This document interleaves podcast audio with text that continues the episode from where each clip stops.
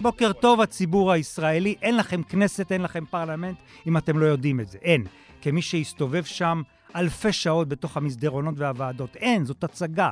זה קרקס. כנסת ישראל היא קרקס מתחילה ועד סוף. היא לא ריבון, היא לא קובעת, היא לא שום דבר. היא נשלטת על ידי הממשלה, לא 99.99, במעט האחוזים.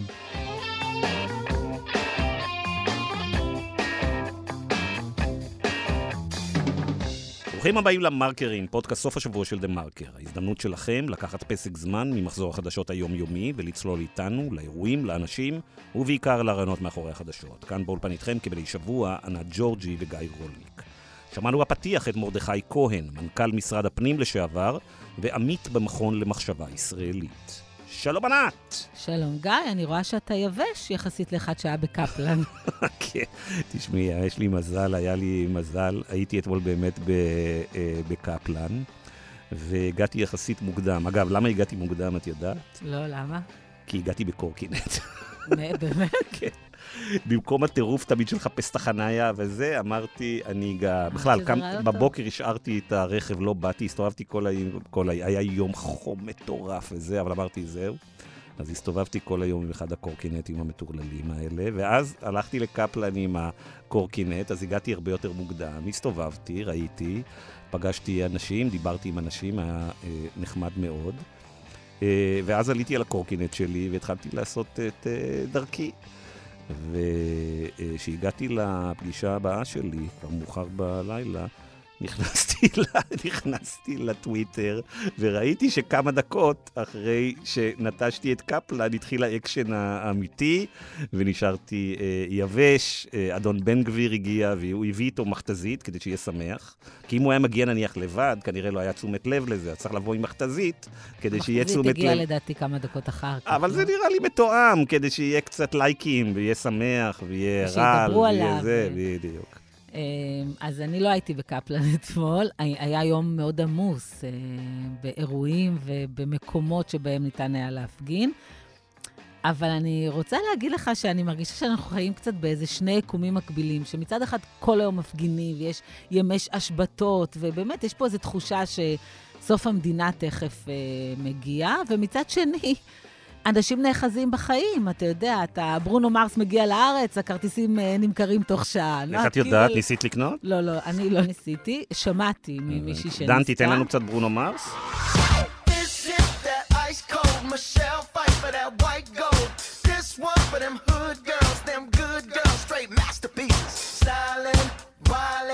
living it up in the city. Got Chuck's on with Saint Laurent. Gotta kiss myself, I'm so pretty. אוקיי. יאללה, אפשר בסוף קצת. אפשר בסוף. תראה, אוקיי. דן, גיא מכיר את ברונו מרס, כי השם הבא שרציתי להגיד זה נועה קירל. נועם קירל, התכוונת. נועה קירל. כן. אה, ובכלל, זה נכון שיש ירידה ויוקר המחיה, אבל אנשים יוצאים ומבלים ונאחזים בחיים. ואני תוהה מה ינצח קודם, האם ניכנס לאיזה דיכאון ובאמת נפסיק לחיות, או, שה, או שנתעייף מהמחאה וננסה להאחז כל פעם בטיפת החיים שעוד uh, נשארה לנו פה. תשמעי, בשבועות האחרונים, uh, כל בן אדם שני שאני מכיר ולא מכיר ופוגש אותי, או, מיש, או קרוב משפחה, uh, כולם שואלים את אותה שאלה, מה יהיה? Uh, והתשובה שלי, נצליח, לא נצליח, נעצור את ההפיכה סלש מהפכה uh, במשטר. אה, אז עד לפני, נניח חודש, חודשיים, התשובה שלי האוטומטית הייתה שבטוח שנצליח, אה, בגלל שיש פה התעוררות אה, של החברה האזרחית כמו שלא הייתה מעולם, וזה מדהים וזה נרגש, והם לא יכלו לעמוד בזה. עכשיו התשובה שלי קצת השתנתה. כששואלים אותי את השאלה, אז אני אומר, אנחנו חייבים להצליח. כלומר, השאלה היא כבר לא רלוונטית, כי אין שום, אנחנו חייבים להילחם על הדבר הזה, אין אופציה אחרת, ואם לא נצליח, אז uh, המדינה הזאת תתקדם לכיוונים מפחידים. העניין הוא שזה ייכנס לאיזשהו מסלול של מלחמת התשה. ושם כבר יהיה, לדעתי, הרבה יותר קשה לנצח. אני חושב עוד ש... עוד שבוע ועוד אני שבוע. אני מסכים איתך, אני מסכים איתך. הרי לפני שלושה חודשים, לכאורה, אה, עצרנו, הקפאנו את ההפיכה המשטרית, הכנסנו את ביבי אה, לפינה. אבל הנה אנחנו שלושה חודשים אחרי זה והכל uh, מתחיל. הסיכוי שיהיה כאן איזה, ניצחו, איזה תמונת ניצחון וגזירת סרט, איזה נוקאוט, לא יקרה מהרבה מאוד סיבות. אבל גם אם היה איזה לכאורה אה, נוקאוט ועוצרים את ההפיכה המשטרית, זה לא יהיה ממש ניצחון, כי בתוך החברה הישראלית יש אה, מאות אלפי או מיליוני אנשים שרוצים את הדבר הזה, שרוצים אה, שיטת משטר אחרת, שרוצים לשנות את האופי של המדינה הזאת. כלומר... אתה חושב שזה מיליוני אנשים שרוצים לשנות? אה, אני חושב שכן, ואני חושב שהאורחים שלנו היום באולפן יוכלו גם לחוות את דעתם. אני חושב ש... שכן. נכ... אני חושבת שהבעיה היא באמת איזושהי הפרת אמון בין קבוצות שונות באוכלוסייה. שזה יהיה משהו שלדעתי יהיה מאוד קשה לשקם. אבל אתה יודע, בשולי ההפיכה המשטרית אה, יש בחירות יש לרשויות... יש את ברונו מרס. יש את ברונו מרס. אוקיי. זה לא אני, גיא. בשולי ההפיכה המשטרית יש בחירות לרשויות המקומיות, אה, וזה ככה קצת אה, עובר מתחת לרדאר בגלל הכאוס שיש במדינה, וזה אחד המוקדים שגם אליהם פוליטיקאים לוטשים עיניים, ואני חושבת שהמרואיין הבא שלנו הוא באמת כתובת טובה מאוד לנסות לברר את זה איתו. כן. אז uh, המרואיין הבא שלנו, אנחנו עוסקים היום ברשויות המקומיות. Uh, זה הרגע לגלות למאזינים, לא בשמחה גדולה, uh, ענת, שהפודקאסט הכי נשמע uh, השנה שלנו. זה היה הפרק המדכא במיוחד על... החלוקת ישראל לקנטונים של כן. סיימסים, דוקטור שגיא אלבז. כולם הרגישו, בעקבות ההפיכה המשטרית, שיש פה כמה שבטים שאי אפשר לאחות ביניהם את הקרעים, והנה בא שגיא אלבז ואמר, היי, יש לי ספר, יש לי ספר שכתבתי על זה בדיוק. במקרה. במקרה הכינותי ספר שאני מתעסק איתם, והתשובה היא בעצם לפרק את המדינה. לקנטונים, כי הוא אמר חרדים ומשיחיים ופופוליסטים ומעמד הביניים אה, אה, הדמוקרטי-ליברלי לא יחיו ביחד, וצריך לפרק את העסק. נכון, במילים שלו כור ההיתוך נכשל, ולכן... ברור. אה, ואני אמרתי לך את דעתי, שאני חושב שזה גם לא ישים, וזה גם עצם הדיון בדבר הזה הוא די מפחיד, אם אנחנו נרים ידיים פה מהיכולת. אבל אני חייב לציין שמסביבי... אני שומע רק את הדבר הזה שוב ושוב ושוב, וכמובן הפודקאסט הזה הכפיל פה את השמיעות, אנשים אה, התחברו לדבר הזה ואמרו, כן, הנה מצאנו את הגביע הקדוש. אז היום אנחנו נעסוק אה, גם ברשויות אה, מקומיות, וגם בשאלה אם הרשויות המקומיות יש בהן פתרון לקרעים בעם, לשבר שיש כאן. אה, במוסדות הדמוקרטיים, ודרך השאלה של הרשויות המקומיות ננסה להבין גם מה, ש... מה התרחש פה בשנים האחרונות, בעשורים האחרונות, שהביא אותנו ל-4 בינואר 2023, אה, היום בו יריב לוין מודיע שהוא החליט לארגן מחדש יחד עם הקואליציה את שיטת המשטר ואת דמותה של החברה הישראלית. אז אה, פרסומת אחת, ומיד מתחילים.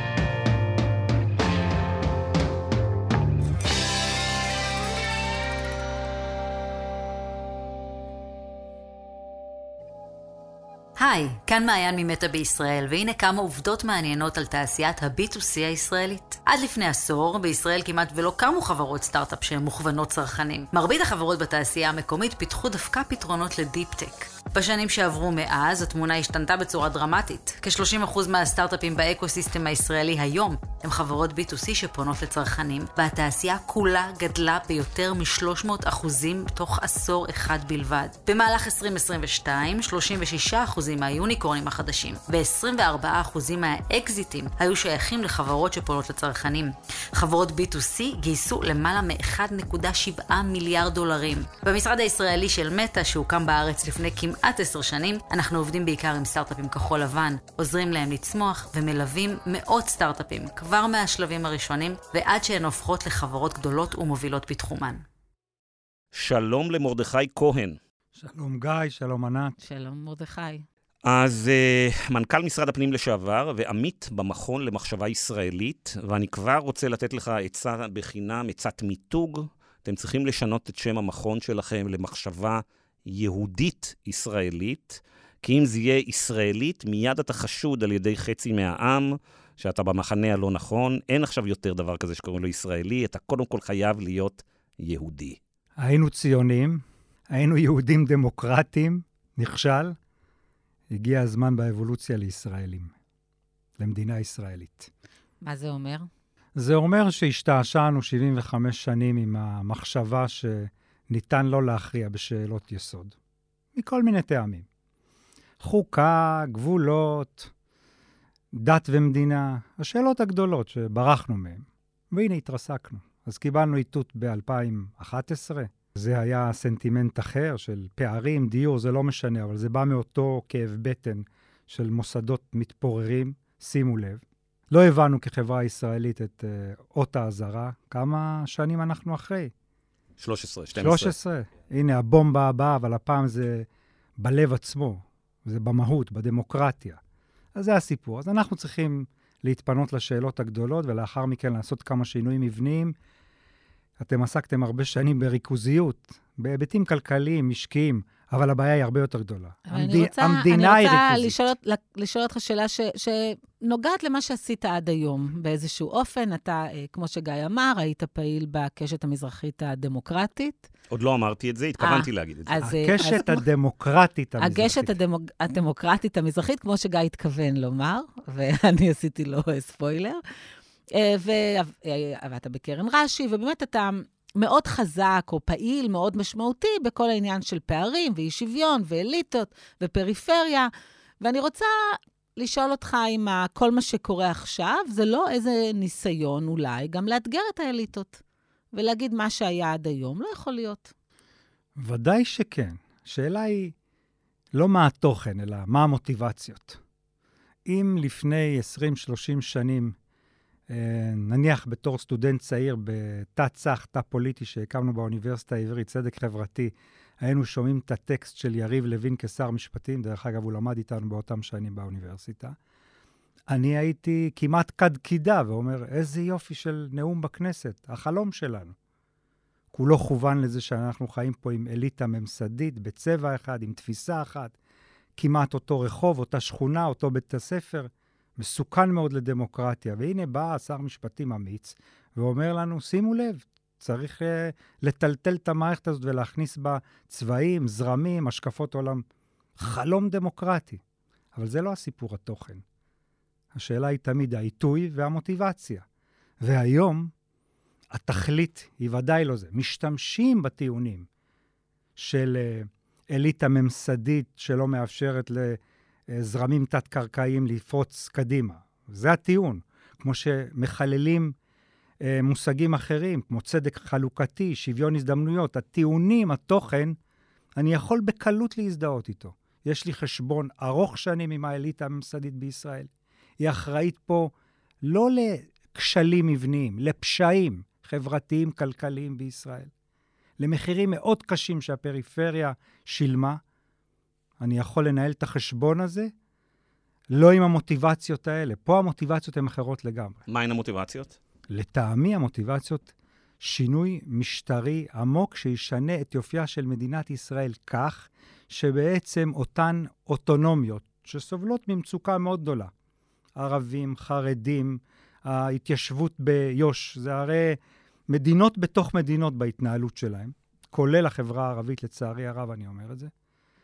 בעצם זה אות קריאה ללהתחיל לקרוע את הבשר של המדינה לחתיכות. האוטונומיות מעוניינות כבר לא לדאוג רק לעצמן, שזה גם כשלעצמו במשך השנים עורר המון קשיים, אבל זה כבר לא הסיפור. הסיפור הוא לחדור לתוך המרחב הכללי ולהפוך אותו למה שהם רצו בגטו הקטן שלהם. זה כבר משחק אחר. אם אתה מנקה את המוטיבציות, ואולי מנקה את, ה, את, ה, את מי שמדבר, המהות היא, היא נשארה אותו דבר. זאת אומרת, יש פערים בין מרכז לפריפריה, יש אי שוויון בהזדמנויות, יש בעיה של צדק חלוקתי, או במילים אחרות, יש מה שנקרא ישראל הראשונה וישראל השנייה. אני מנסה לשאול אותך אם הרעיונות האלה הם מופרכים או שהם עדיין קיימים. אז אני מסביר, הרעיונות האלה לא נולדו היום.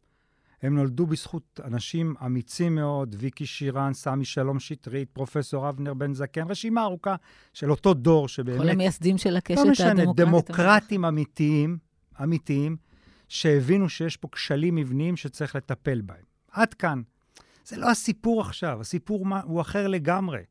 הוא שונה, ולכן אני לא יכול להזדהות. כי זאת לא המוטיבציה וזה לא הרצון. ואולי הרצ... זה גם לא כל כך המצב. זה מה שאני מנסה המציאות לשאול. המציאות השתנתה, המוטיבציה מסוכנת, הרצון הוא בסופו של דבר להפוך אותנו למדינה נחשלת, מפגרת, שמתבוננת לאחור במקום להתבונן קדימה. ענת, למה את חושבת שזה לא המצב? גיא, אנחנו מתווכחים על זה בערך שלוש שנים. אני יודע, אני רוצה לעורר את הוויכוח. אני חושבת שאם היום יש אה, אוכלוסיות שמופלות, אני לא בטוחה שהמזרחים הם אלה שעומדים בראש. יש את הישראלים האתיופים, יש את הישראלים הערבים, לא חסרות אוכלוסיות כן, אבל אי השוויון בישראל הוא עדיין אה, מהגבוהים בעולם. לפני שבועיים עשינו פה פודקאסט על אה, לא רק שהאי שוויון בעשירונים הוא גדול, אלא גם המאיון הראשון בישראל התרחק לחלוטין. האי שוויון הכי גבוה אחרי ארצות הברית או צ'ילה. אה, אז כלומר, הפערים בחברה הישראלית הם גדולים. אגב, הם לא רק פריפריה ו- ומרכז, הם בין עניים לעשירים, בין משכילים ל- ללא משכילים. אבל מה שמרדכי בעצם אתה אומר לנו הוא שיש פערים עצומים בחברה הישראלית, ויש כאן אליטה אה, שהתעלמה מהם הרבה מאוד שנים, קראת להם אליטה ממסדית, אני אשמח אם תפרט ותגיד לנו קצת מי זאת האליטה אה, הזאת. אבל החבורה עכשיו שיוזמת את המהפכה המשטרית, אתה אומר, היא באה מסיבות אחרות לחלוטין. ודאי. ובוא רגע, ברשותך, אני אמנה, אה, אמנה אותם. יש לנו את המשיחיים, סמוטריץ' מייצג אותם. יש לנו את המשיחיים, ה, אני לא יודע איך לקרוא להם, של בן גביר, אוקיי, שהם התאחדו אה, אה, יחדיו. יש לנו את החרדים, לשני הסוגים אה, שלהם, שהקימו לעצמם אה, אוטונומיות נפרדות, מערכת חינוך אה, נפרדת, כלכלה נפרדת, ועכשיו הם רוצים להגדיל את המימון התקציבי של הממשלה לאוטונומיה שלהם.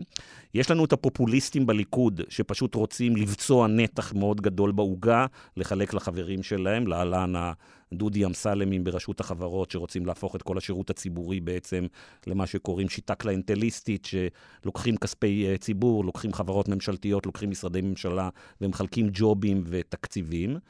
יש לנו את האידיאולוגים, את יריב לוין ואת קהלת, שיש להם פתאום איזה רעיון לארגן חדש את שיטת הדמוקרטיה הישראלית, בעצם להרוג את בית המשפט העליון ואת הפרדת הרשויות, ויש לנו ראש ממשלה שלא רוצה להיות בכלא. אמרתי את כל הקבוצות? כן, רק שאני רוצה לספר את הסיפור מעט אחרת, ואז לצלול באמת ללב העניין, ברשותכם. אני יכולתי לשבת לפני שנים ולתאר את אותו תיאור כמו שאתה תיארת עכשיו, רק השמות, שמות המשפחה, הכוחות היו אחרים. אה, התנועה הקיבוצית, השליטה בכלכלה, אקדמיה, תקשורת. לא רצו לשנות את שינת לא... המשטר בישראל. למה אני לא רוצה להיכנס לזה? מכיוון שלטעמי, אלו היו להם כוונות טובות, הקמת מדינה, עשו דברים אדירים, אבל היה בתוכן בתוך הקבוצה הזאת גם כאלה שהיו מושחתים ודאגו לכוח ולשליטה ולדור הבא שלהם ולנכסים ולקרקעות, ועכשיו יש לנו מ-77' כוח פוליטי חדש עם הפסקות פה ושם, שפועל פחות או יותר אותו דבר. זו אליטה ממסדית בעיני עצמה, וזאת אליטה ממסדית. למה אני מדגיש את המילה ממסדית? כי אליטה, משהו אחר. אליטה אינטלקטואלית, זה, אנחנו מבינים, למי שבא מהעולמות האלה, מבין שזה משהו אחר. הכוונה היא לקבוצה שדוחפת קדימה, שהאינטרס שלה זה האינטרס הציבורי בדרכה. אליטה משרתת. בדיוק. וזה לא הסיפור פה. הסיפור פה זה מרוץ שליחים. הייתה קבוצה אחת, לקחה מה שלקחה, חטפה מה שלקחה, סידרה את הנכדים, את הנינים. עכשיו קבוצה אחרת מסתערת ודואגת לעצמה. אבל רגע, אני רוצה רגע להפריע אותך. משהו בכל זאת שונה בין שתי הקבוצות. הרבה דברים לטעמי שונים, אבל אחד הדברים הבולטים, וזה קשור לתפקידך, היית מנכ"ל משרד הפנים חמש שנים, הוא שהקבוצה שמנסה עכשיו להסתער, מנסה לא רק לחלק מחדש את העוגה, אלא היא גם מנסה בעצם, הדרך שבה היא עושה את זה, זה באמצעות לחסל את הסטייט, את המדינה. היא אומרת, אנחנו לא מכירים ברעיון שיש משרתי ציבור, שיש פקידים, שיש מוסדות ממלכתיים. הכל הולך להיות פוליטי. בית המשפט יהיה פוליטי, משרדי הממשלה יהיו אה, פוליטיים, תאגיד השידור הציבורי יהיה פוליטי, הכל יהיה לחלוטין פוליטי ומפלגתי. הם לא מקבלים את הרעיון של state, של civil service, של שירות ציבורי. הם רוצים בעצם לרסק את ה state. גיא, חבל, אנחנו נכלה זמן יקר, כי אני אראה לך בדיוק אותו דבר שזה היה באותם שנים, רק שההגדרה state הייתה אחרת, אבל זה פחות או יותר אותו רעיון. הייתה קבוצה אז שהשתלטה, היא הקימה את המדינה, אנחנו חייבים לחוב עמוק לאבות המייסדים, כי נעשה פה סוג של נס. בעיניי זה סוג של נס הקמת מדינת ישראל. ויש עכשיו קבוצה אחרת, שהודרה ממוקדי הכוח אז, ומסתערת כדי לקחת את הנתח שלה. מה הבעיה? שאנחנו נמצאים באמצע, מרבית הציבור, ההתגוששות הזאת מעל הראש שלנו, ואנחנו לא מסוגלים לראות את המציאות כפי שהיא, ואני מציע לראות את המציאות באופן הבא. יש פה איזושהי התקוטטות מטורפת, כן, בין כנסת, ממשלה, מערכת משפט, אז בואו נעשה סדר. אנחנו יודעים כולנו, אין כנסת בישראל. בוקר טוב. נשלטת על ידי הממשלה. ודאי, בוקר טוב, הציבור הישראלי. אין לכם כנסת, אין לכם פרלמנט, אם אתם לא יודעים את זה. אין. כמי שהסתובב שם אלפי שעות בתוך המסדרונות והוועדות. אין, זאת הצגה, זה קרקס. כנסת ישראל היא קרקס מתחילה ועד סוף, היא לא ריבון, היא לא קובעת, היא לא שום דבר. היא נשלטת על ידי הממשלה, לא 99.99, במעט האחוזים. למעט מקרים יוצא דופן בודדים שהכנסת מגלה עמוד שדרה, איזושהי קונסטלציה, קוניונקטורה פוליטית זמנית, היא גוברת על הממשלה, כי משני הצדדים משתפים פעולה, זה תמיד על איזה משהו איזוטרי, קטן, נוגע ללב. כל היתר הממשלה שולטת. אז אין לנו פרלמנט ואין לנו ריבון. יש לנו מערכת משפט, חולה. נדרשים בה תיקונים, תיקוני עומק. אלא מאי? שמערכת המשפט הזאת, עם כל הקשי, הכשלים שלה, היא הייתה סוג של מבצר שהגן עלינו כאזרחים, רשויות, ארגונים, מוסדות, לא תמיד בצורה הטובה, אה, באופן חלקי. אני חסיד של ביקורת חריפה על בית המשפט העליון, שסירב במשך שנים לקדם זכויות חברתיות בישראל. זכויות פרט כן, אבל זכויות חברתיות חס וחלילה, כי זה חיכוך עם בעלי ההון, עם בעלי הכוח. זאת המשמעות של זכויות חברתיות. תן דוגמה. קרקעות. מי שולט במשאב המטורף הזה, שנקרא קרקע? אתה מלווה את זה שנים, אתם רוצים שנפרק מה זה, כן, כן. מה זה קק"ל? ומה זה מינהל מקרקעי ישראל, ומי, שואל, ומי שולט בקרקעות, ומה היה... ושזה הגיע לפתחו של בית המשפט העליון, הוא לא רצה להתערב. ודאי. ההת, ההתערבות הראשונה שלו זה באותו בג"ץ מפורסם שהובילה הקשת הדמוקרטית המזרחית, משה קריף ו, והחברים שהובילו שם אבל, את המאבק. אבל, אבל, אבל אתם בדיוק בזה הצלחתם, כל הבוינגים לא, זה מעורבות. הלוואי והצלחנו. לרגע אחד. הסתנוורנו מהכוח של תנועה פוליטית כזו ששמה אצבע על השתלטות על קרקע ובוצע איזשהו תיקון שמאז יש בו נסיגות.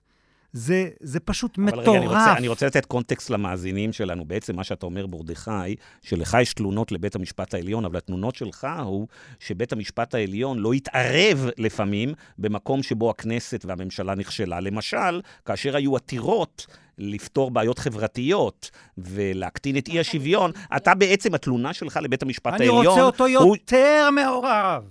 אתה אומר, הוא לא היה מספיק אקטיבי, בדיוק הפוך ממה שכנופיית קהלת אומרים. ודאי, אני רוצה שני דברים בבית המשפט העליון. אחד, היסטורי. באמת לתקן את הצבע שלו, שהוא ייצג יותר קבוצות שונות בחברה הישראלית, כי זה קריטי לדמוקרטיה. ובזה אני שותף לאותו סנטימנט, לא למוטיבציה חס וחלילה. כן, אבל בוא צריך להגיד פה שבעשר שנים האחרונות שינו את הצבע של בית המשפט העליון ואת הכמות של השמרנים והדתיים והמתנחלים בצורה... הוא מדבר על מזרחים, כן, אני, אני לא מדבר על מזרחים. אני אוקיי. מדבר על ערבים, על כן, מזרחים, כן. נשים אלה הקבוצות, הקבוצות שמנית עכשיו. כן, כבודם במקומם מונח. בדיוק. אוקיי. אבל אה, לטעמי הוא היה צריך להיות הרבה יותר אקטיבי, בית המשפט. הטענה שלי הפוכה. איפה הייתם כשהונחו בפניכם זכויות חברתיות? חששתם, פחדתם מבעלי הון, קרקע, כוח, כסף. מאלה חששתם, מהמונופולים, רעדתם, שקשקתם. אתם בית המשפט. אז זו הביקורת שלי. עכשיו תראה באיזה מציאות אנחנו נמצאים. כנסת אין, בית משפט שהיה צריך להיות הרבה יותר אקטיבי, הוא חלש. רוצים להחליש אותו יותר, כן? לפגוע ב, בעצמאות השיפוטית שלו. אה, עילת הסבירות זה, זה כמובן, באמת, כמו שהשר בן גביר אמר, זה רק הספתח. אה, ואני נוטה להאמין למי שמדמיין לעצמו שזה רק הספתח. ועם מה אנחנו נישאר? וזה מה שהציבור לא תופס. עם ממשלה עוצמתית, במציאות שבה גם את זה הציבור לא מבין. אנחנו גם כך במד... באחת המדינות הריכוזיות ביותר ב-OECD. זה לא שאנחנו במצב ניטרלי, אמצע. אז המציאות בישראל שהממשלה היא ריכוזית, היא שולטת כמעט בכל. ואני אומר את זה כמנכ"ל משרד ממשלתי, בכל. היה לך עמיד דייר בכוח? עודף כוח, כוח מוגזם.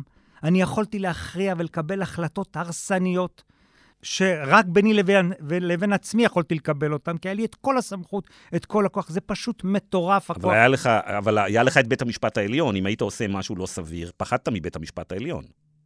כן. היה לך יועץ משפטי עצמאי במשרד שהיה כפוף ליועץ כן, המשפטי לממשלה. אני, אני מסכים איתך, אני מסכים איתך לגמרי, גיא, אבל עדיין, עדיין, בעצם הפיקוח הכי משמעותי עליך כמנכ"ל משרד הפנים, שזה משרד עם עוצמה אדירה, זה שמישהו יעתור נגדך לבג"ץ. אבל אתה מסכים איתי שזה כלי בעייתי, הוא לא מספיק. בהחלט. הוא נוגע רק, ב, רק במקרה קיצון. היום-יום זה ממשלה ריכוזית, שולטת בהכל, ועכשיו מה שאנחנו רוצים לעשות במהלך הזה, מעניין אותי איך יקראו לזה, הפיכה, מהפכה, אני מסתכל על התוצאה, זה על העיוותים המבניים שיש בישראל, שאין כנסת ו- ומערכת המשפט או בתי המשפט חולים, להפוך את הדינוזאור, את המאנסטר הזה, ליותר חזק. עכשיו, את מי הוא ידרוס? הגוף הראשון שהממשלה תדרוס זה את השלטון המקומי. זה הדבר ראשון, אותנו, את האזרחים. והדבר השני שהיא תדרוס. זה את העבודה המאורגנת. ולמי אנחנו משווים? לטייסי קרב שיצילו אותנו. אוי לה לדמוקרטיה, אוי לה שטייסי קרב מצילים אותה. והם נדרשים לזה כי הגופים, כי כל שאר המוסדות האחרים הגופים קרסו. האזרחיים האלה, השלטון להם כוח. המקומי הם וההסתדרות, כבר- הם אבל- היו צריכים להיות אבל ה- בחזית. המינהל, השלטון המקומי הוא כבר מוחלש, זאת אומרת, לאורך שנים החלישו אותו, ואני רוצה לפרק את כל הדברים הגדולים שאמרנו עד לפה לשני חוקים שהכנסת הזאת כבר הצליחה לחוקק. אחת מהם הוא חוק טבריה, שזה בדיוק דוגמה למה שאתה אומר. הוקמה ועדת קרואה לטבריה, מונה מישהו שעומד בראשה, מונה על ידי שר הפנים, והיום בעצם מאפשרים לו להשתמש בכ- בכספי הציבור כדי להיבחר שוב. ואני רוצה לשאול אותך, אם מאפשרים את זה בטבריה, מה ימנע מנבחרי הציבור להעיף ראשי ערים מכהנים, לשים במקומם ועדה קרואה ומישהו שיעמוד בראשה, שהם מינו, ואז לתת לו את כל המשאבים כדי להיבחר שוב. ואז השלטון המקומי יהיה מוחלש הרבה יותר. השלטון המקומי בישראל היה מאוד מאוד מוחלש אה, סביב המשבר של 2003-2004, ומאז, צעד אחר צעד, הוא מתחזק. הוא עדיין נשלט על ידי כן, שלטון כן, כן. מרכזי, שכל ראש עיר שנבחר צריך ללכת לממשלה ולכתת רגליים ולבקש כסף. לא, לא, לא, לא מדויק, אבל כמעט מדויק. בגדול, 258 רשויות, כ-60 רשויות פחות תלויות בשלטון המרכזי, כל היתר, מצב קופת חולים. עולים, לוקחים פתק, עומדים בתור לפקידים, לשרים, והם קוששים את מה שהם צריכים לקושש. בועז יוסף, עליו את מדברת. ראש ועדה הקרואה בטבריה. יו"ר כן. הוועדה, הוא איש מוכשר, ואני אומר את זה באחריות מלאה כמי שמכיר אותו כמי שנים. שמינה אותו לתפקיד. הוא איש מוכשר, הוא אחד מהמומחים הגדולים ביותר לשלטון מקומי בישראל, כמעט בכל היבט. זאת אומרת, אין פה בכלל שאלה של מידת התאמה. אין דבר שיכול להיות יותר טוב לעיר פריפריאלית כמו טבריה, שיעמוד בראשה אדם מקצועי, מיומן, מכיר את כל הזוויות המקצועיות של שלטון מקומי. אלא מה? תקלה. למה זאת תקלה? מסיבה מאוד פשוטה. כל הסיפור של אמון הציבור בוועדה ממונה, ואנחנו צריכים להבין ש, שהדלק של דמוקרטיה זה אמון, אמון הציבור. זה המטבע שאנחנו סוחרים בו בדמוקרטיה. כל הסיפור פה היה, זה שהטבריאנים הסכימו לוותר על דבר אדיר, על זה שהמנהיגות שהם בחרו לא היא תנהל אותם, לאור זה שלא אישרו שם תקציב ולא היה מנוס, גם בית משפט קבע את זה, אין מנוס אלא להדיח. הגיע אדם שבעצם כולם סמכו על המינוי, כי הוא איש מקצוע, כי הוא היה מנהל מחוז, בלה בלה בלה, את הכל הוא יודע, אבל היה פה דיל. אתה מסיים את העבודה המקצועית ומשחרר את המקום לדמוקרטיה. אנחנו רוצים להיות תושבים כמו כל תושבי מדינת ישראל. פה, יש פה ניצול שהוא לא בריא. לא בריא למשרד הפנים, לא בריא לעתיד. האם אפשר יהיה לשכפל אותו לעוד ועוד רשויות, ובעצם לבטל את כל הבוחר ברשויות האלה? אני חושב שענת שאפשר לעשות את זה ללא קשר לפרשת אה, בועז אה, יוסף. לא, אתה לא יכול לעשות את זה, גל. אז אולי אני לא מבין, נשאל את uh, מרדכי. ברגע שבו נבטל את עילת אי-הסבירות, ובהמשך נחסל בעצם את בית המשפט העליון, מה ימנע משרים ופוליטיקאים להשתלט על הרשויות המקומיות?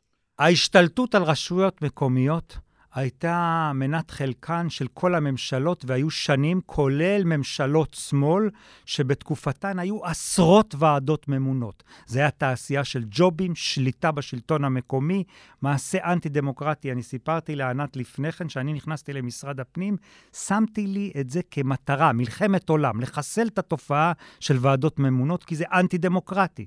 ובאמת, מעשרות רשויות, הגביתי את זה לאפס, ובלית ברירה, טבריה ובעוד כמה מקומות בודדים, ממש על יד אחת, פחות מחמש רשויות בוועדות ממונות בתקופות כאלה או אחרות. למה אחרי הצלחה כזו גדולה, לעורר את אותו חשש בציבור, המהלך הזה בטבריה? נכון, זה נעשה, זה חוק, זה... למה? עד שנוצר איזשהו אולי אמון. אולי כי יש פה איזו מוטיבציה. אז אני אומר שוב ושוב, המוטיבציות הן מה שמטרידות אותי. אה, אני רוצה להמשיך איתך לחוק נוסף שאושר, והוא חוק הארנונה, בעצם, שלפיו רשויות חזקות אה, שמרוויחות כסף מעסקים יצטרכו להפריש חלק לקרן ארנונה, ומשם זה ילך לרשויות חלשות. לכאורה הרעיון נשמע הגיוני, אלא שגם פה זה יכול להיות מאוד מסוכן, כי הכסף הזה יכול ללכת לרשויות שקרובות יותר לקואליציה. אין חסיד גדול ממני לצדק חלוקתי. אין יותר ממני רוצה להעביר מחזקים... שאלה אם זה המהות של העניין הזה. לא. להעביר מחזקים לחלשים ולאפשר פה שוויון הזדמנויות. יחד עם, עם השר דרעי הובלנו את הרפורמה של ועדות גיאוגרפיות לצדק חלוקתי, שמתפיסה אד-הוקית שרלטנית מסוכנת להבנות את המהלך. עכשיו מה? מחללים פה קודש. צדק חלוקתי זה לא סיסמה. כשאתה משתמש בטיעון של צדק חלוקתי, אתה צריך להראות שלקחת את הטיעון, השתמשת בו לתכלית הראויה, לצדק חלוקתי. בסיבוב הראשון של קרן הארנונה הממשלתית, השתמשו בטיעון של צדק חלוקתי, קרי, אספו מחזקים, וחילקו לא לחלשים, לא למי שאין לו ארנונה עסקית. למי חילקו? למי שיש לו דיור. זאת אומרת, ממשלת ישראל הכושלת, ממשלות ישראל הכושלות, שאחראיות למשבר דיור חמור, שהוא לא מהשמיים. הם נכשלו בהכל, בתכנון, במלאי, בתשתיות. ממשלת ישראל כשלה במשבר, ממשלות ישראל כשלו במשבר הדיור. הנה הם מצאו פתרון. מה הפתרון? לקח כסף מרשויות מקומיות כדי לפתור כשל שלהם. לא. תכניסו את היד לכיס לתקציב שלכם ותפתרו את הכשל. אם אתם משתמשים בצדק חלוקתי, תחלקו למי שבאמת זקוק לו. אותו דבר הסיפור פה. ישנן רשויות מקומיות ביו"ש, הן חלשות. הן לא יכולות להרשות לעצמם להגדיל את ההכנסות בגלל האילוץ המשפטי שיש ביו"ש שהוא מסובך. אזורי תעשייה, קרקע, אנחנו מכירים את הכל. מה עושים? מחוקקים חוק שיהיה אפשר להעביר מרשויות מצד אחד של הקו הירוק לצד השני, כי עד היום אי אפשר היה לעשות את זה. משתמשים בצדק חלוקתי ומטשטשים גבולות קו ירוק, מוטיבציה הפוכה. אמרת יו"ש, שזה שם קוד ליהודה ושומרון, שם קוד ל... אה, שטחים, ולפני שהצטרפה אלינו עכשיו לשיחה אה, אושרת גני גונן, אה, ראשת מועצה אזורית דרום השרון, מיד נצרף אותה לשיחה, אבל לפני זה אני רוצה לסגור פה איזה פינה, כי הזכרת את יהודה ושומרון. לפני שהתחלנו את השיחה הזאת היום, את הפודקאסט, היה כאן מישהו באולפן, שאמר לי שהמשיחיים, הבן גבירים והסמוטריצ'ים, הם אויב מר ומסוכן לישראל. והוא הוסיף ואמר לי, עם הכל אפשר להתמודד, עם הכל אנחנו יכולים, אבל הם חותרים תחת המהות. איפה אתה פגשת את זה? כשאני עבדתי מול רשויות מקומיות, ודאי שלא פגשתי את זה. כי זה... אין הבדל בין רשות מקומית שם לרשות מקומית פה. גם כמנכ"ל אני הייתי מחויב במעט אחוזים לפה ושם בדיוק אותו דבר. אבל כשאתה מסתכל היום, אני עכשיו מסתכל כאזרח, שנתיים אני לא במערכת. אני לא רואה שם תפיסת עולם ממלכתית, אני רואה שם בדיוק דבר הפוך. אני רואה ניסיון להביא תרבות שנולדה בשוליים שם, זה ודאי לא כל המתיישבים, חס וחלילה שלא נצבע בצבע מסוים את כולם, אבל השוליים המופרעים של הקבוצה המשיחית הקיצונית הזאת, מעוניינת להביא את התרבות הזאת לכל חלקי ישראל. אתה רואה את זה בדלק שהם מזרימים לערים המעורבות, חלילה עוד רגע יוצת שם, עוד פעם גפרו. זה תפיסות של שוליים של השוליים שמנסים לכפות סדר יום.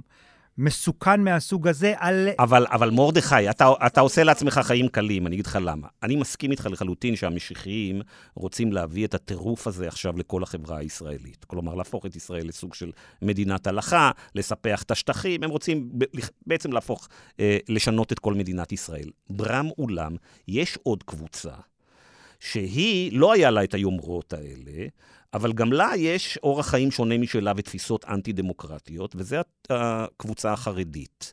אתה היית מנכ"ל משרד הפנים תחת uh, אריה דרעי, הוא מינה אותך, והוא uh, חרדי. ומה שקורה זה, הם אולי לא ניסו להשתלט על שאר החלקים בחברה הישראלית, אלא בנו לעצמם את אל המעיין ואת האוטונומיות שלהם ומערכת חינוך שלהם ואת כל המערכות שלהם. אבל קצב הגידול של האוכלוסייה שלהם יהפוך את זה שהם ישתלטו על המדינה הזאת ויהפכו אותה לפרויקט כלכלי לא וייבילי, בדיוק כמו המשיחיים. למה אתה עושה את ההפרדה בין החרדים לבין המשיחיים? מכיוון שאתה, בדברים שלך, הסתרת משהו מאוד מבהיל. Okay. אוקיי. לא הזכרת ערבים, גם שם יש גידול מאוד... ושם אתה לא טוען את הטענה הזאת. זו, אתה צריך להחליט, גיא, אם אתה דמוקרט... קודם כל, הדם, ערבים לא רגע, לא גדלים בקצב של החרדים. רגע, רגע, אתה צריך להחליט אם אתה דמוקרט או לא דמוקרט. כן. אי אפשר להיות מתי שנוח דמוקרט. נכון, אתה צודק. החרדים והערבים, אותן קבוצות שיש בהן ילודה יותר גבוהה, כמובן זה לא שווה, אבל... חרדים, הילודה, הילודה שלהם יורדת כבר 20 שנה. ערבים, התכוונתי, ערבים. כן. ובתוכם יש קבוצות דרוזים שממש הפכו להיות... אה, אה, חוב. והם רוצים להשתלב בחברה. החרדים עכשיו עושים רוורס בחצי שנה האחרונה. גם הערבים וגם החרדים מעוניינים להשתלב, תלוי בזרמים, בעוצמות, אבל זו אותה מוטיבציה. אין לא לקבוצה הזאת ולא לקבוצה הזאת את החזון המלא, השלם שיש לקבוצה שהזכרת קודם. וזה הבדל מהותי. ואני אומר לך יותר מזה, לנו יש אחריות מאוד מאוד כבדה, לכל אחד במקום שהוא נמצא, לזהות את אותם זרעים, התחלות, מנופים בחברה הערבית ובחברה החרדית שעובד, שעובדים מאוד מאוד מאוד קשה לטובת ההשתלבות, והם קיימים. זה סיפור אחר לגמרי, ולא ניתן להשוות. בסופו של דבר, הרצון להביא את ישראל לשלב הבא שלה למדינה ישראלית, זה באמת בכדי להתמודד עם המציאות. ואני מדבר על מדינה ישראלית במובן הכי הכי רזה. זהות ישראלית במובן הרזה, לא כור היתוך ולא להפוך את כולנו לשווים. החרדים יישארו חרדים, הערבים, אין פה שום רצון לכור היתוך, אלא לייצר פה מדינה עם זהות מאוד מאוד רזה, אבל שיתבצעו בה הדברים הבאים. יהיה לה גבולות, יהיה לה חוקה, תהיה הפרדת דת ממדינה, לא ההפרדה הקלאסית שאנחנו מדברים עליה, אלא מה שקורה היום במדינות מתקדמות בעולם, באירופה, בגרמניה, במדינות אחרות. יש שירותי דת, המדינה תומכת, מתקצבת, מעודדת, אבל המדינה עצמה היא לא דתית, היא לא עוסקת בקידום חקיקה במרחב הציבורי הדתי, היא תומכת בשירותי דת, היא לא אנטי-דת, אבל היא לא עושה את מה שקורה היום. וזה שני מצבים שונים לגמרי. אז אם אני רוצה לסיים, יש קשר הדוק בין דמוקרטיה לאי שוויון.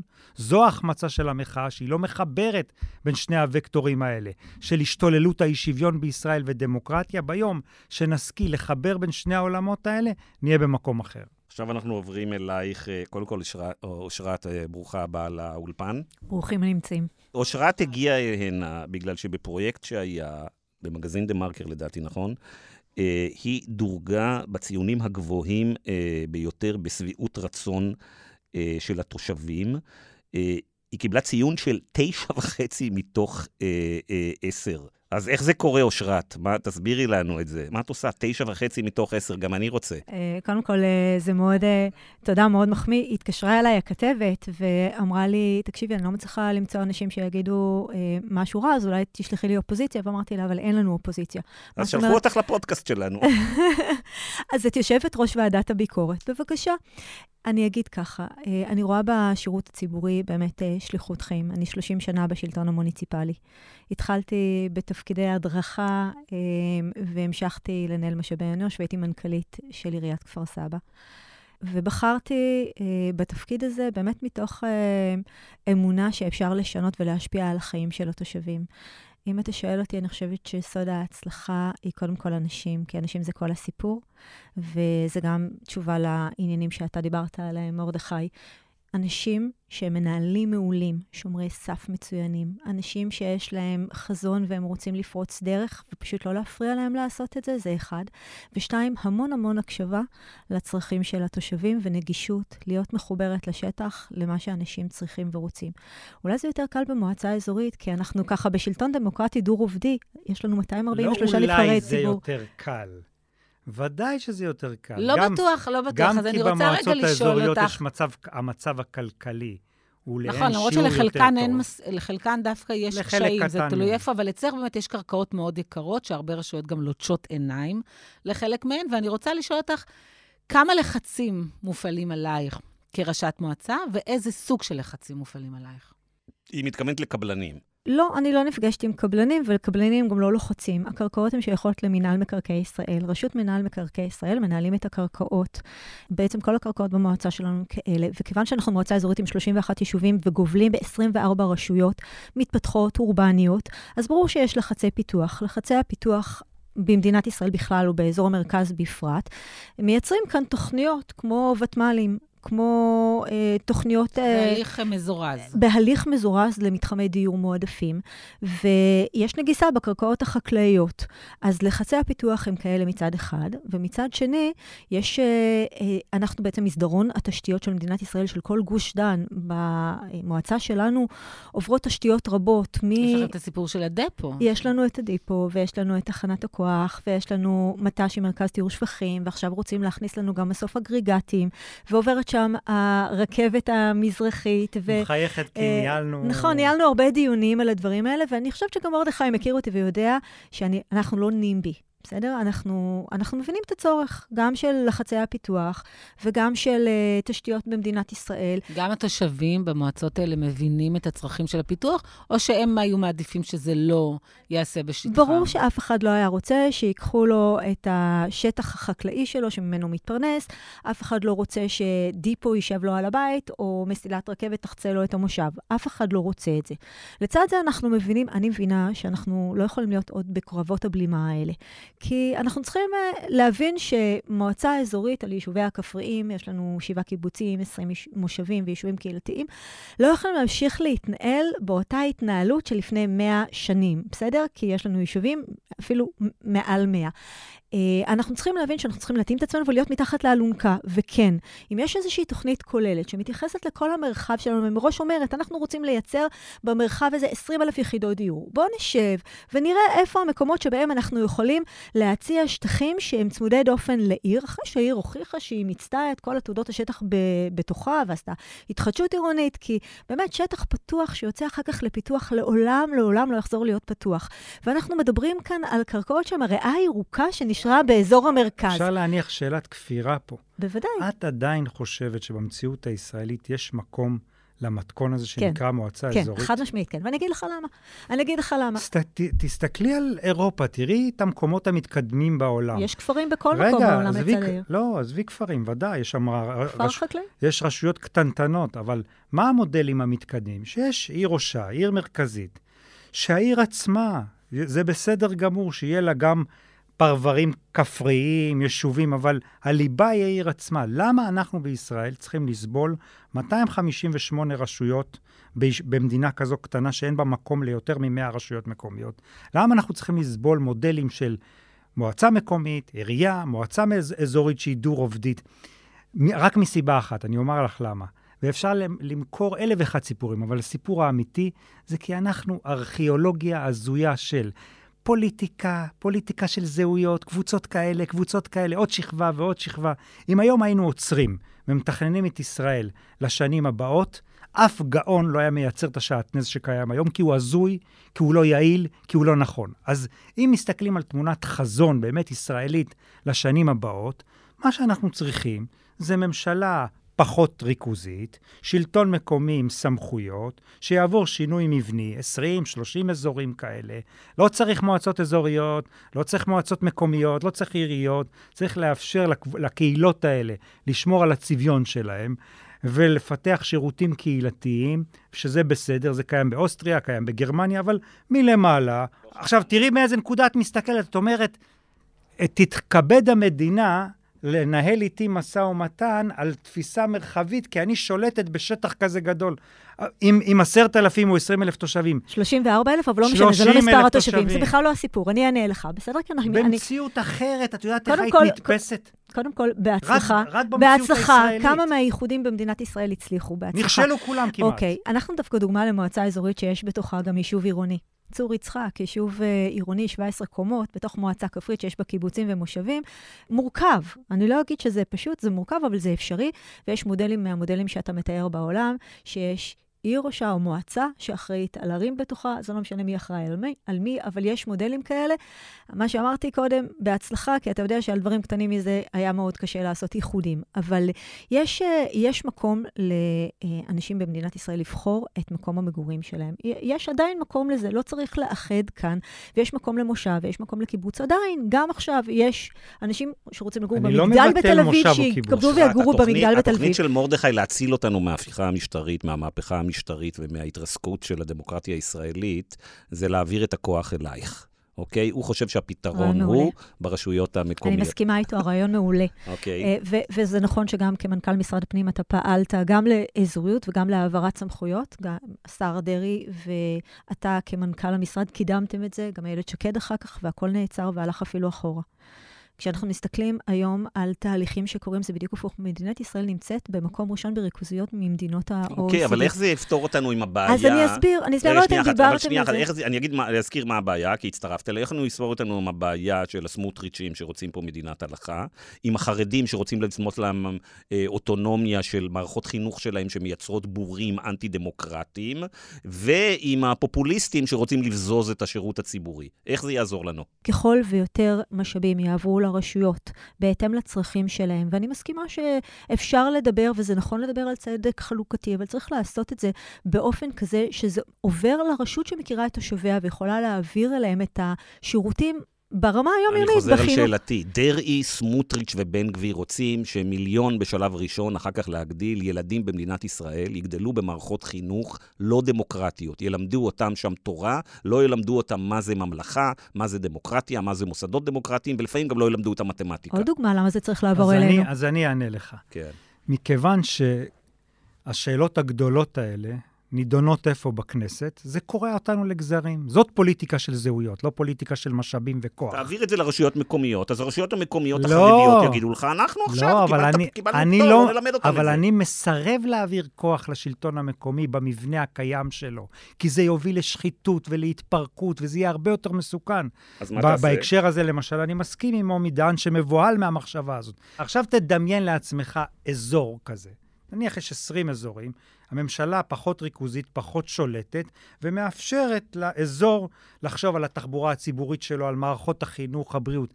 נראה לך שזה יהיה באותה טמפרטורה כמו בכנסת? אני אומר לך בוודאות, מרדכי, זה יהיה... שמכיוון שהשלטון המקומי עוסק הרבה- בחיי היום-יום, מרדכי, זה יהיה הרבה חינוך, יותר אתה- אתה אומר גרוע. שראשי הרשויות של. ביתר עילית, פתאום יהיה שם, זה פתאום לא- יעשו שם זה- מערכת חינוך ממלכתית? אם נחלק את ישראל לאזורים, לא יהיה לך 258, יהיה לך 258 קהילות מוניציפליות עם סמכויות מסוימות, והאזור יחשוב על האזור. אתה מצפה שתהיה איזושהי סולידריות בין הרשויות האלה בתוך לא המטרופולין. סולידריות, אני בוודאי לא... שכן, כי כרגע זה יישובים שונים אני לא שאתה בצופים או רוצה בבני לאחד. עקיבא, אני מדבר על מפגש של אינטרסים. איזה אם- מפגש של אינטרסים אני יכול להיות. ליישוב שיש לו הרבה מאוד כסף ומצליח להחזיק את עצמו, כשאתה שם לידו יישוב מאוד חלש, ואתה אומר, עכשיו בואו נחלק ביניכם אחרת את אז המשאבים. ודאי, בואו אני אומר לך איך אבל זה... כל פעם שניסיתם לעשות את זה ולאחד לא- רשויות, זה לא, לא, צלח. זה, זה לא איחוד רשויות. זה לא אותו דבר. יש הבדל בין איחוד רשויות לבין אזורי, אזוריות. איחוד רשויות בישראל, אין לו סיכוי בגלל הפחדנות של הממשלה. היא לא מסוגלת לעשות את זה. היא ולמטרופולינים היא מאח- יש סיכוי בתוך היא הממשלה? מאחדת ומפרקת. מאחד, זה מה שהיא עשתה עד היום. אה, הפרו- למ- למה היא מאחדת ומפרקת? לחצים פוליטיים, ג'ובים, חזקה, שליטה. רשות חזקה לא לא, מעוניינת לא מה- להעביר את הכספים שלה לרשות לא חלשה. מהסיבה. אני, הסיבות אני רוצה האלה. לחזור לחינוך, בסדר?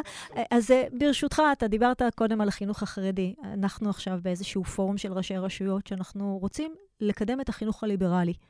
מסתבר שהחינוך הממלכתי הליברלי מקבל פחות מחצי ממה שמקבל למשל החינוך החרדי. הילדים שלנו לומדים בכיתות שהן גדולים, גדולות פי שתיים. אנחנו נמצאים למרות שאנחנו... גם פחות מהממלכתי-דתי. למרות שאנחנו הרוב, אנחנו 43 אחוז, בסדר? כן, מת- הם מקבלים כך- פחות ופחות. ואנחנו מקבלים, ואנחנו הכי הרבה, אנחנו המגזר הכי גדול, ואנחנו מקבלים הכי פחות.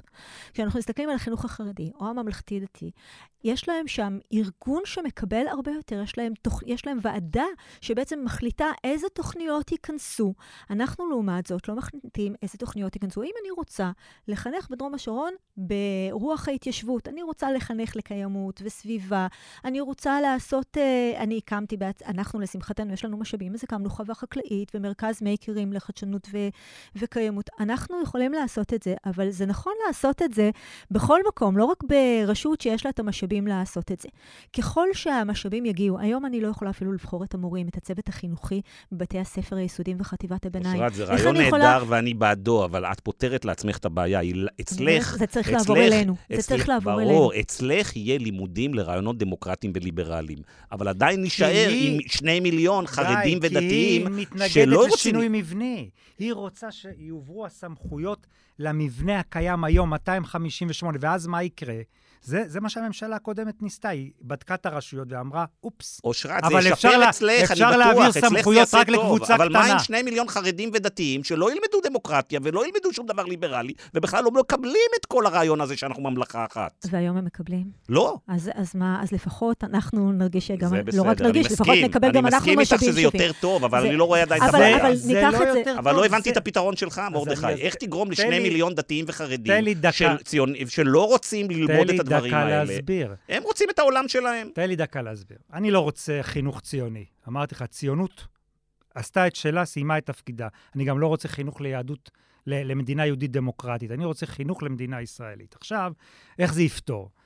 אני לא רוצה את הפתרונות של אושרת, כי מה אושרת אומרת? הממשלה תעביר כוח, היא תעביר רק למי שיכול, למי שיש לו, ואז הפערים בישראל יגדלו. לא, אני לא. אמרתי את זה, היא תעביר לכולם. לא, היא לא יכולה להעביר לכולם. כי אם לא רשות לא? מתפקדת, מושחתת, קטנה, את לא רוצה להעביר לכוח. ייקבעו פרמטרים, זה מה שמשרד הפנים עשה עכשיו, שאיילת שקד התחילה עם הביזור סמכויות. נכון, נכון. וזה הוא אס- עבר למי שאפשר. וזה אסון, זה למי יגדיל שיכול פערים. לנהל את זה. זה אסון, כי זה יגדיל פערים.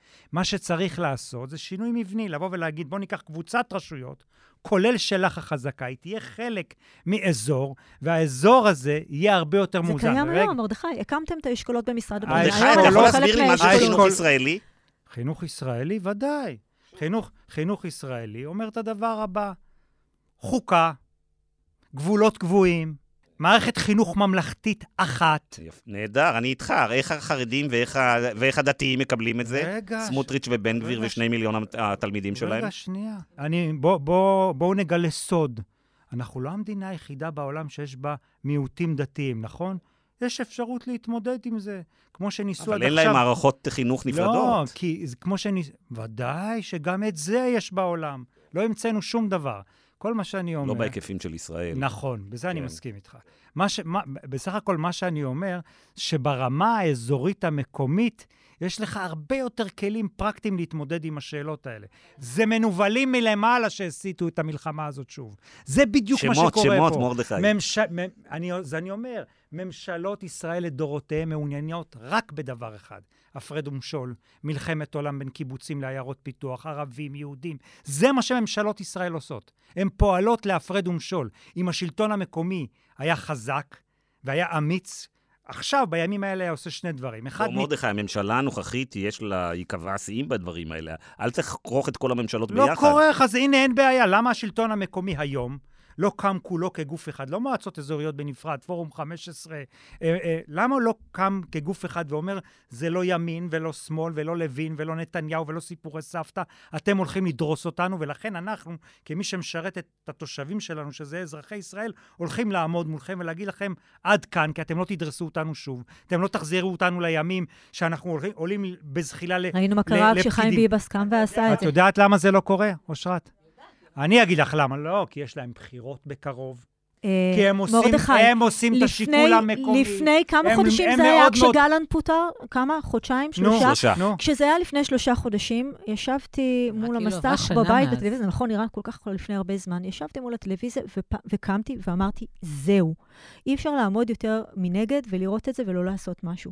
התקשרתי לחברים ולחברות שלי, ראשי הרשויות, ואנחנו אה, נסענו לירושלים, עלינו לירושלים, הקמנו מאהל ואמרנו, אנחנו שובתים רעב עד שמחזירים את אה, גלנט, כי לא יכול להיות שקם שר ביטחון ומתריע שיש בעיה ביטחונית קשה כתוצאה מהניסיון למה להעביר את את הרפורמה מדברת הזאת. על ביטחון? ועלו, שנייה, למה את מרדכי, מדברת על אתה? שאלת, ואני אומרת, עלו לשם, עלו לשם למעלה מ-40 ראשי רשויות, ושבתו רעב באותו ערב, אה, הסתיים הסיפור. הרשויות היית האלה, איתם, הרשויות באתי האלה, נכון, באת. ותמכת. מי מי הם הבוחרים של ואף הרשויות אחד האלה? לא חשב, אוי אוי אוי, יהיו בחירות עוד מעט, זה לא כי קרה. מי הם הבוחרים ברשויות האלה? זה לא משנה, חלק מראשי הרשויות... משנה, לא. בוודאי שזה משנה. את צודקת שבחלק מהרשויות אפשר לראות שבאמת רוב התושבים הם נגד הרפורמה.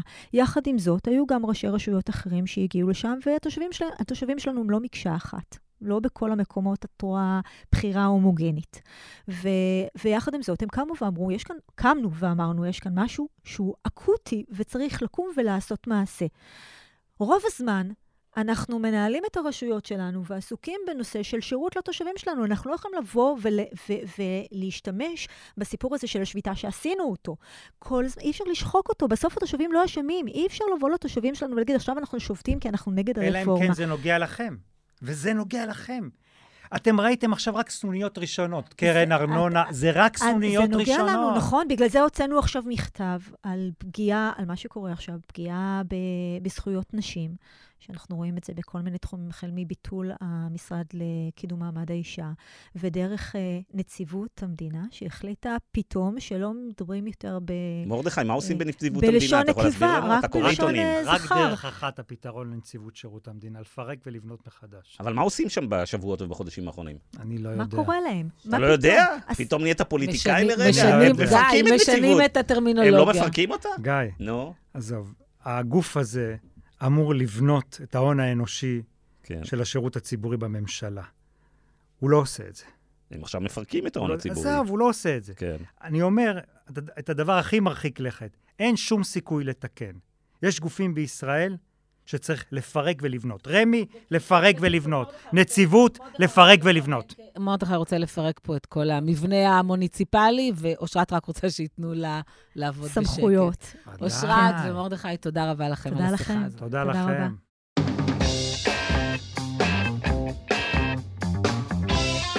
ג'ורג'ינה, איך את מסכמת? היה אוקיי. פה אקשן באולפן. כן, יש לי מיגרנה, אני חייבת להגיד.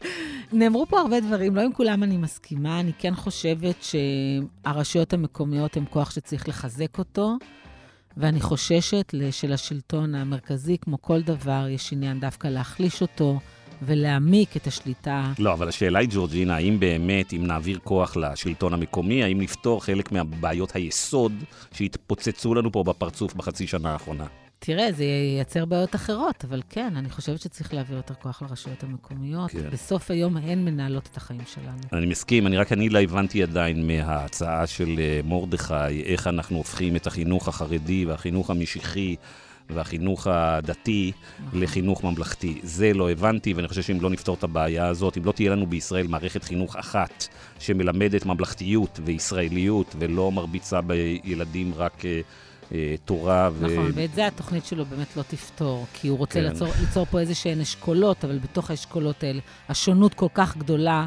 וחוץ לא מזה, בטוחה הוא השמיע יעבוד. פה קול אחר אה, באולפן, נכון. אה, בהתחלה, והזכיר, רבותיי, אה, נכון, החבורה הזאת עכשיו רוצה לבזוז, היא לא רוצה לתקן את בית המשפט, היא רוצה לבזוז. הם לא המציאו והוא שום דבר. אמר, הם רוצים לבזוז, כי הם חושבים שקבוצות אחרות בזזו פה לפני אה, נכון. 20, 30 ו-40 שנה, והוא הוסיף, אבל החבורה שלכאורה בזזה פה לפני 20 ו-30 שנה, אבל היא גם הקימה את המדינה, החבורה הזאת בעיקר רוצה אה, לפרק. טוב, נכון. נראה לי שנקבל הרבה תגובות לפודקאסט הזה, היה פה הרבה אקשן היום, זו שיחה שצריך להמשיך, אבל אנחנו כבר way way way אחרי אה, הזמן אה, אה, שלנו, אז אנחנו נסיים ונודה לאמיר פקטור, המפיק שלנו. ולדן ברומר, העורך האגדי שיש לו הרבה עבודה היום, ולאורחים שהיו באולפן, לאושרת גני גונן. גני גונן ולמרדכי כהן. תודה לך, ענת. תודה, גיא. להתראות בשבוע הבא.